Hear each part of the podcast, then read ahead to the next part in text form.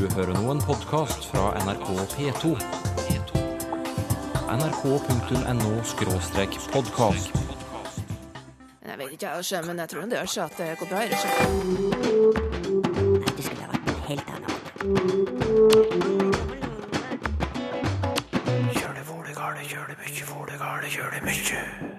Jeg mener de skulle vente til siste på uka før de moa la lån.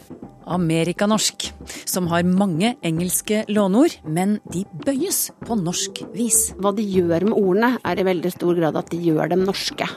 Tvekjønnede navn kan brukes av både kvinner og menn. Kvinnenavnet Kari kjenner vi, men vi har òg et mannsnavn, Kari, som kommer fra finsk. Det ordet her, hvordan vil du si det, Sylfes Lomheim? Mais med A og I. Å ja, jeg sier mais, jeg. Ja. Mais. Nei, mer mais. Mais. Nei, ikke sånn heller. Æsj. Vi kommer tilbake til dette siden, tror jeg. Jeg mener de skulle vente til siste på uka før de moa ned lån. Ja, men vi biter her. Slik kan amerikanorsk høres ut. For dette eldre ekteparet er etterkommere etter nordmenn som utvandret til Amerika. Vi får vel ta kør til det i morgen, da. Ta her til i morgen. Hvordan vil du beskrive amerikanorsken? Noen kaller den gammeldags norsk, men det stemmer ikke, sier språkprofessor Janne Bonde Johannessen. De siste årene har hun vært i USA flere ganger for å gjøre opptak av norske-amerikanere. Og denne forestillingen om at de snakker så gammeldags, hvor kommer den fra, Janne Bonde Johannessen? Ja, det har jeg fått høre både fra folk som jeg har møtt rundt omkring i Norge, som har hatt besøk av eh, noen amerikanske slektninger, eh, kanskje for noen år siden, da når det var mer vanlig at Amerika, eller norskamerikanerne snakka norsk. Da sa de å, de snakka så gammeldags. Og det samme med de vi har møtt i Amerika, som da er veldig gamle og eh, snakker norsk. De sier da, når vi har vært eh, enten i Norge eller nordmenn har vært her, så forteller de oss at vi snakker så gammeldags. Og det, de syns det er litt moro, da. Mm. Eh, så vi tenkte at det skal vi jammen sjekke. Ja. Snakker de egentlig så gammeldags? Du, dette med hvorfor folk oppfatter amerikanorske som gammeldags, det kan vi jo komme tilbake til litt mm. senere. Så kan vi liksom avsløre, ha det som en liten avsløring litt senere. Men du har altså analysert opptakene du gjorde i eh, USA. Og så har du konkludert med at eh, amerikanorsken ikke er gammeldags, som jeg nevnte i sted. Men hva mm. er det du har undersøkt? Ja, det er da meg og Signe Låke Vita som jeg hadde når jeg gjorde akkurat denne undersøkelsen. Og det vi gjorde, var at vi så på de forskjellige delene av språket. Og da så vi spesielt på på den ene siden det som var mer grammatisk, bøyingsverk, altså bøyingsformer eh, og pronomener, funksjonsord, sånne ting, på den ene siden. Og så så vi på leksikalske ord på den andre siden. Men hva, hva er det dere har sammenlignet amerikanorsken med? Ja, det er jo veldig viktig. Det må jo sammenlignes med noe. Eh, og da er det sånn at eh, vi valgte noen norsk-amerikanere som hadde en familiebakgrunn fra Gudbrandsdalen. Og så har vi et moderne dialektkorpus som vi har samlet inn. Altså en samling med dialektprøver, kan man si? Det er riktig. Ja. Mm. Fra liksom, 2010-tallet, så helt moderne språk.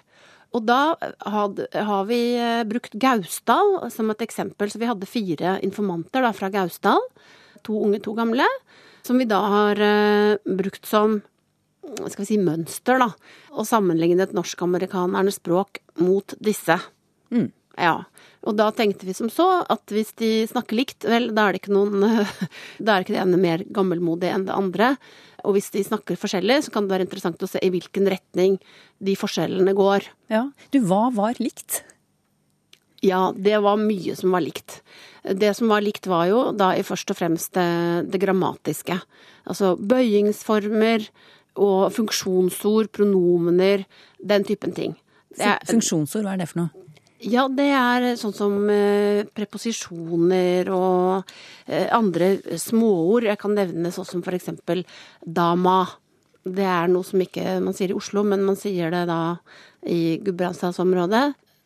eh, den var så fin, dama. Ja, masse sånt som Ja. er likt. Ja. Det er veldig likt, ja. Ja. Du, la oss høre en gang til på de to norskamerikanerne som diskuterte plenklipping i, i starten her. Også, Vi kan lytte etter amerikanske låneord som bøyes på norsk måte. Her kommer det.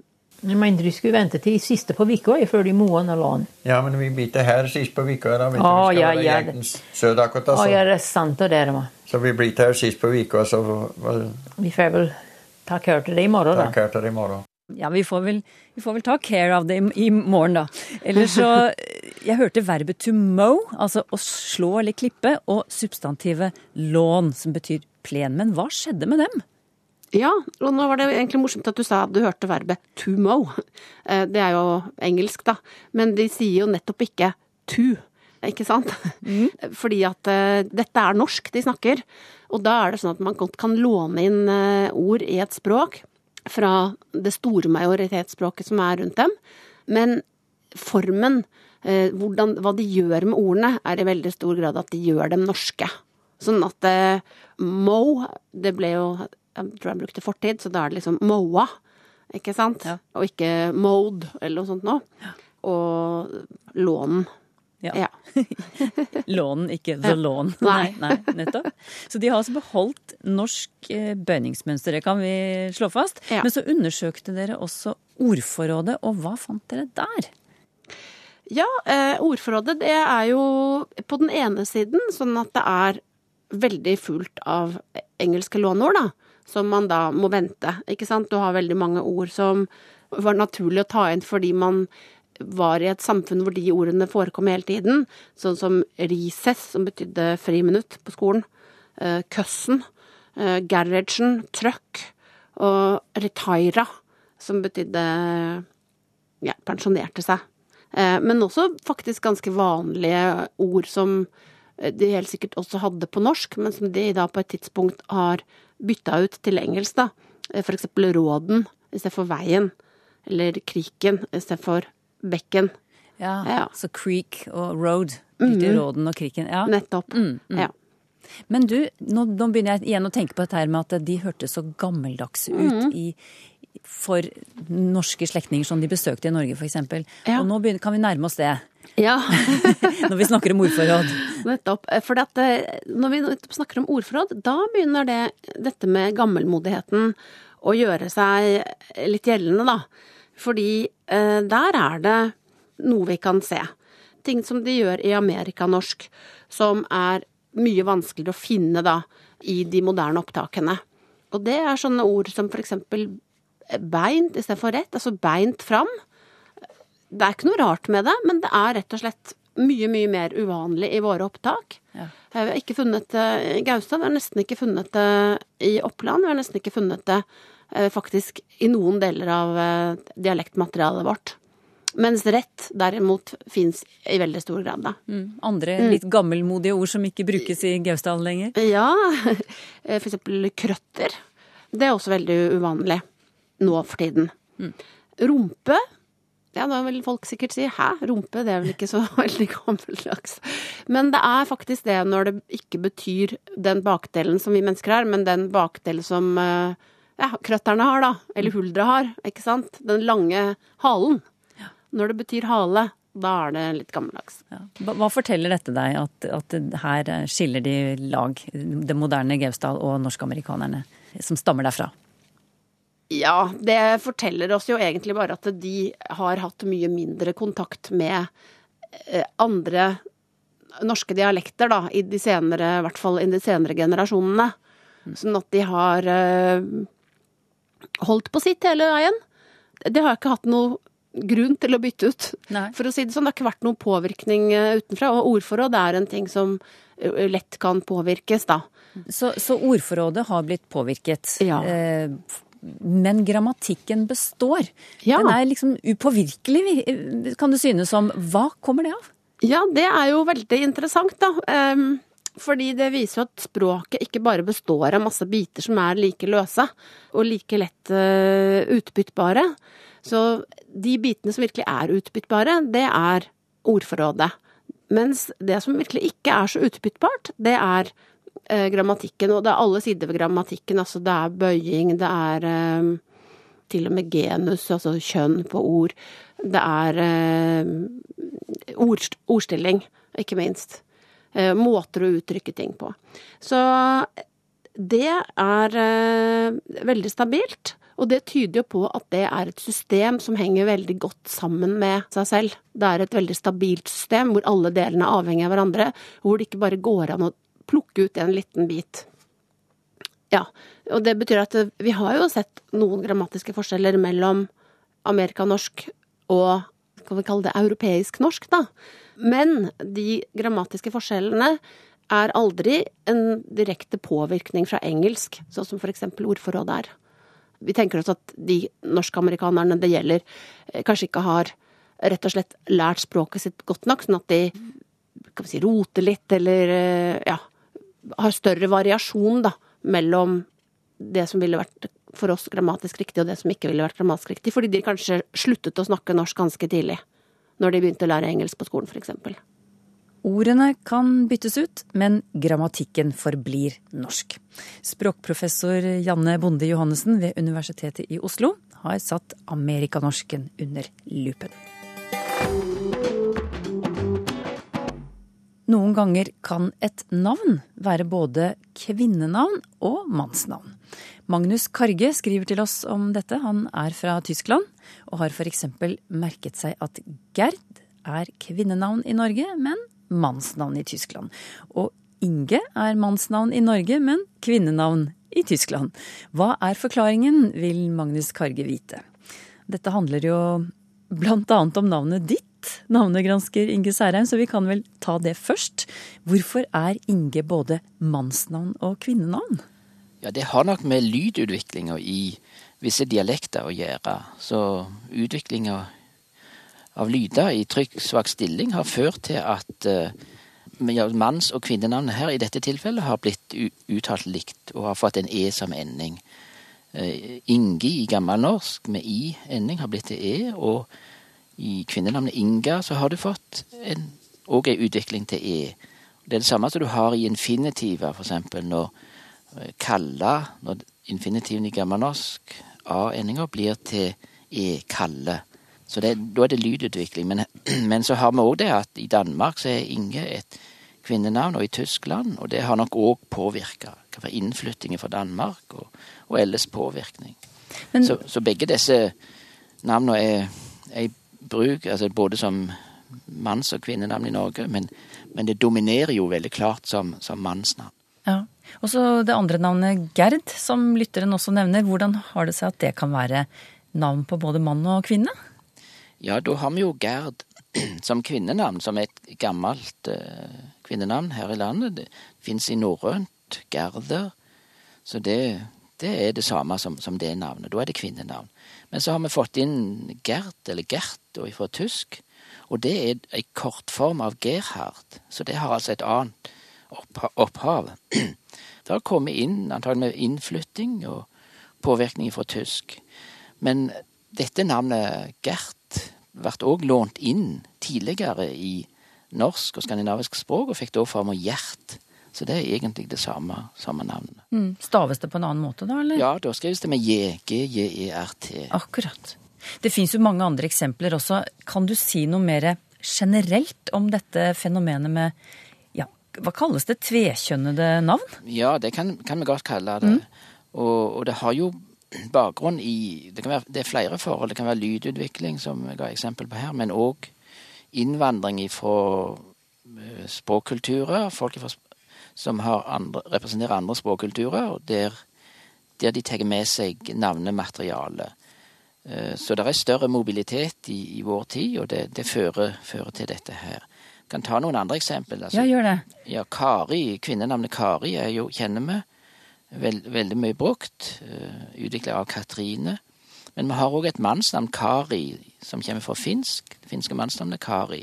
Som skal være i kortform av Oskari og, og andre navn med den endinga. Og du har kvinnenavnet Eli, som er ganske mye brukt. Men vi har òg mannsnavnet Eli, som kommer av det hebraiske Eli. Så begge, begge de skal òg være godkjent, altså både som kvinne- og som mannsnavn. Og vi har Janne som er et vanlig kvinnenavn. Men for svensk så kjenner vi til at Janne òg er kjæleform av Jan.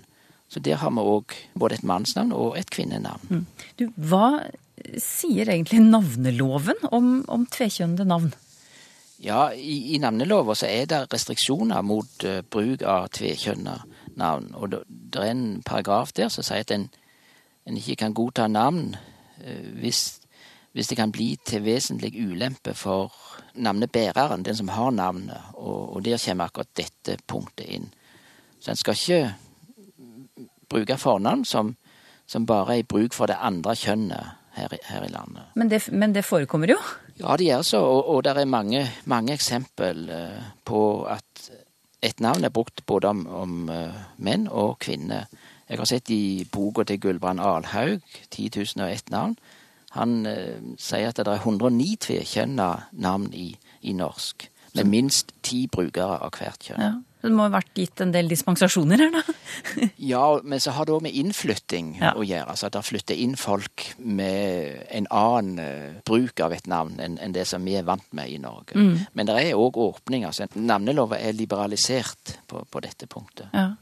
Du nevnte et tall i sted på tvekjønnede navn eh, her i, landet. Hvordan er trenden her til lands? Blir det mer eller flere eller færre?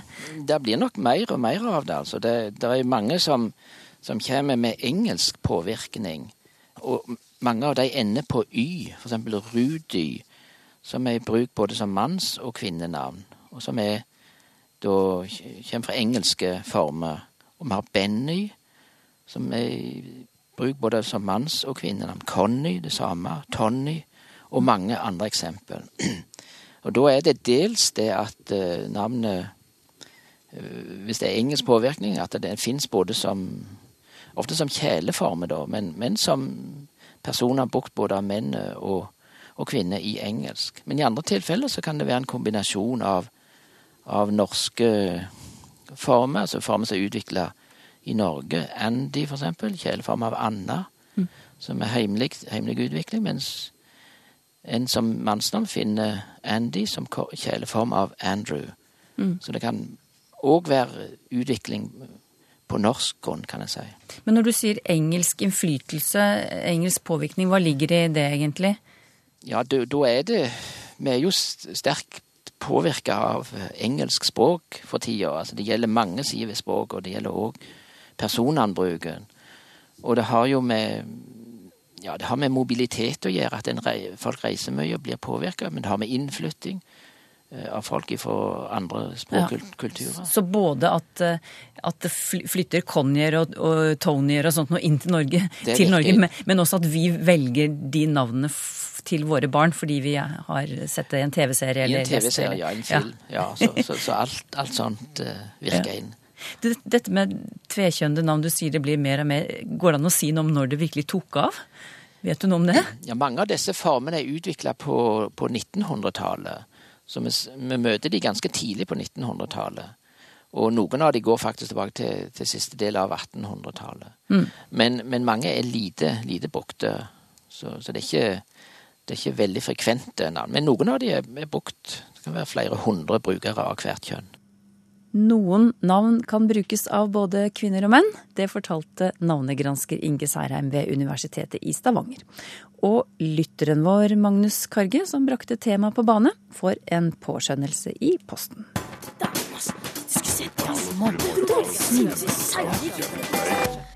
På Facebook eh, spør eh, Mika Myrseth hva er riktig uttale av mais? M-a-i-s. Eh, jeg sier eh, mais, og så har han eh, også hørt noen som sier mais. Uh, Sylfes Lomheim, eh, vi normerer jo ikke måten folk Nei. snakker på, men eh, hører du forskjell? Eh, Ja, det var så vidt. Jo, jeg hørte litt skilnad på det du sa, men, men for det første må jeg jo si at eh, hvordan folk uttaler ord, er jo i utgangspunktet noe som folk eh, bestemmer sjøl, bare de blir forstått av andre. Vi har jo mye uttalevariasjon. Men det finnes jo situasjoner der det blir spørsmål om hva er den såkalla rette uttalen. Blant annet i NRK. I nyhetssammenheng så skal det være en standardisert uttale av ord. såkalla korrekt uttale. Og er det ei sak om maisproduksjon i, internasjonalt, og dette blir omtalt, så må vi jo vite hvordan vi skal uttale ordet i NRK. Og da er det mais med A og I, men som ein diftong. Mais og ikke mais. ikke to stavinger, men ein diftong, men med ai. Og det ser jeg òg at eh, Bjarne Berrelsen i sin uttaleordbok fra 1969, han, han skriver det. Ja.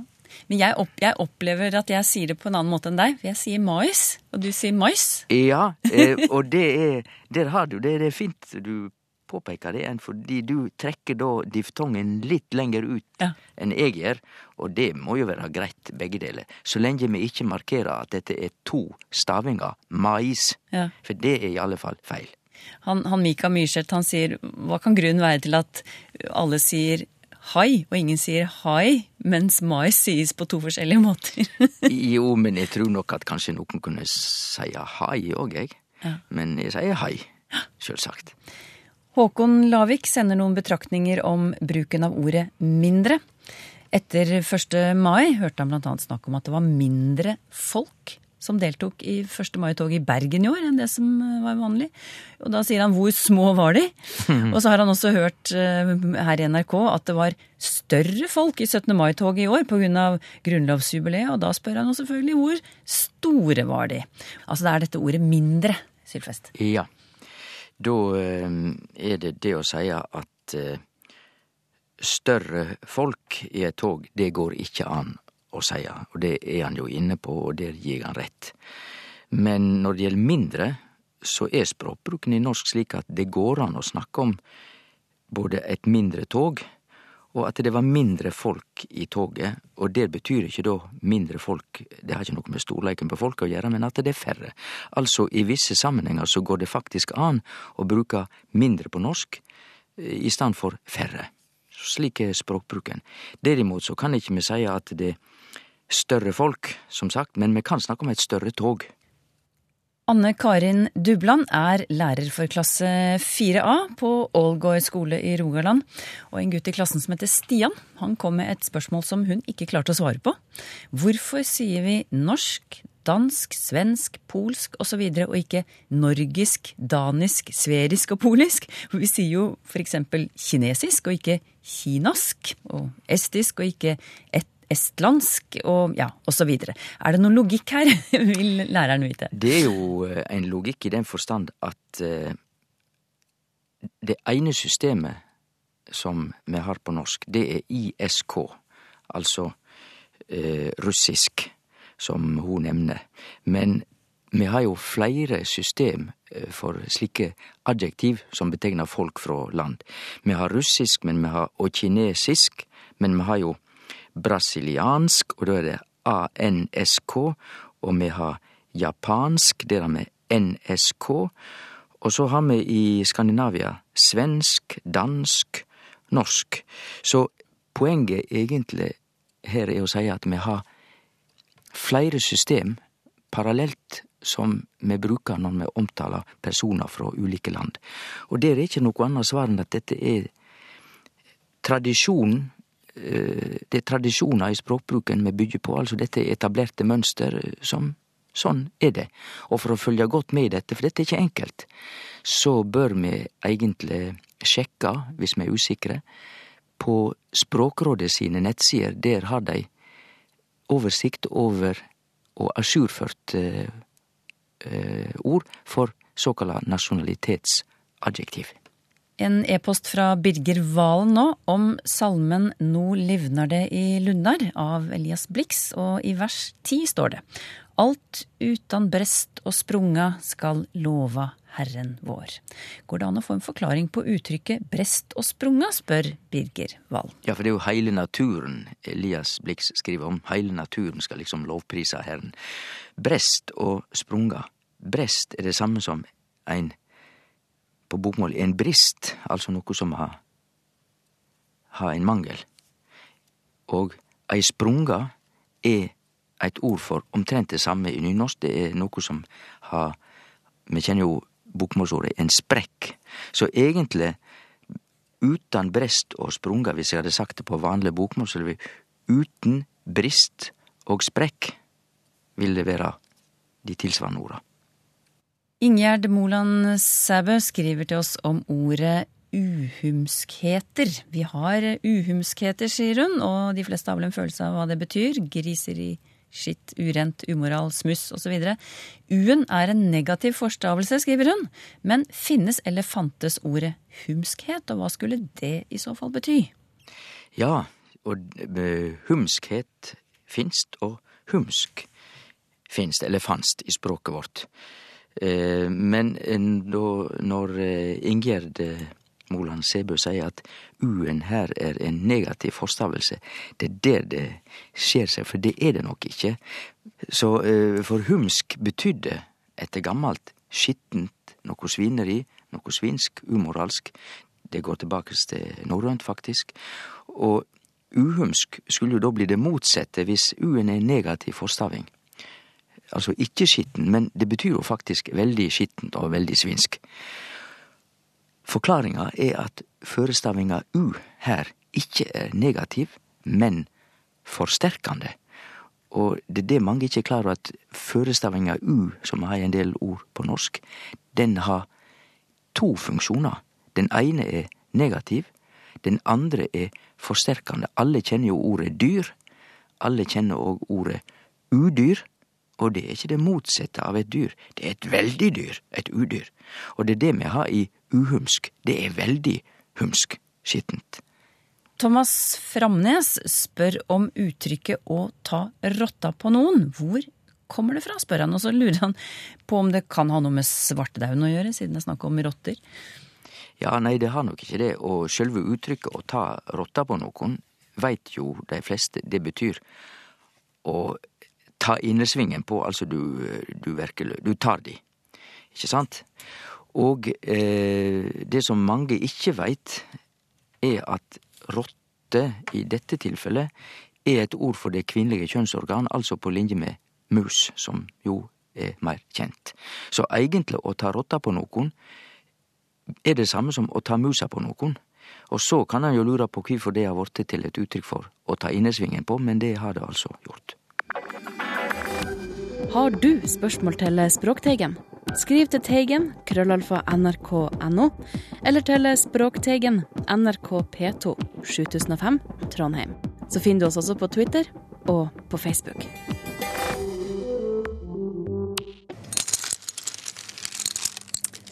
Mm, godteri. Men er dette også godteri? Møt skoleklassen som har forsket på definisjonen av ordet godteri. Språkteigen neste gang.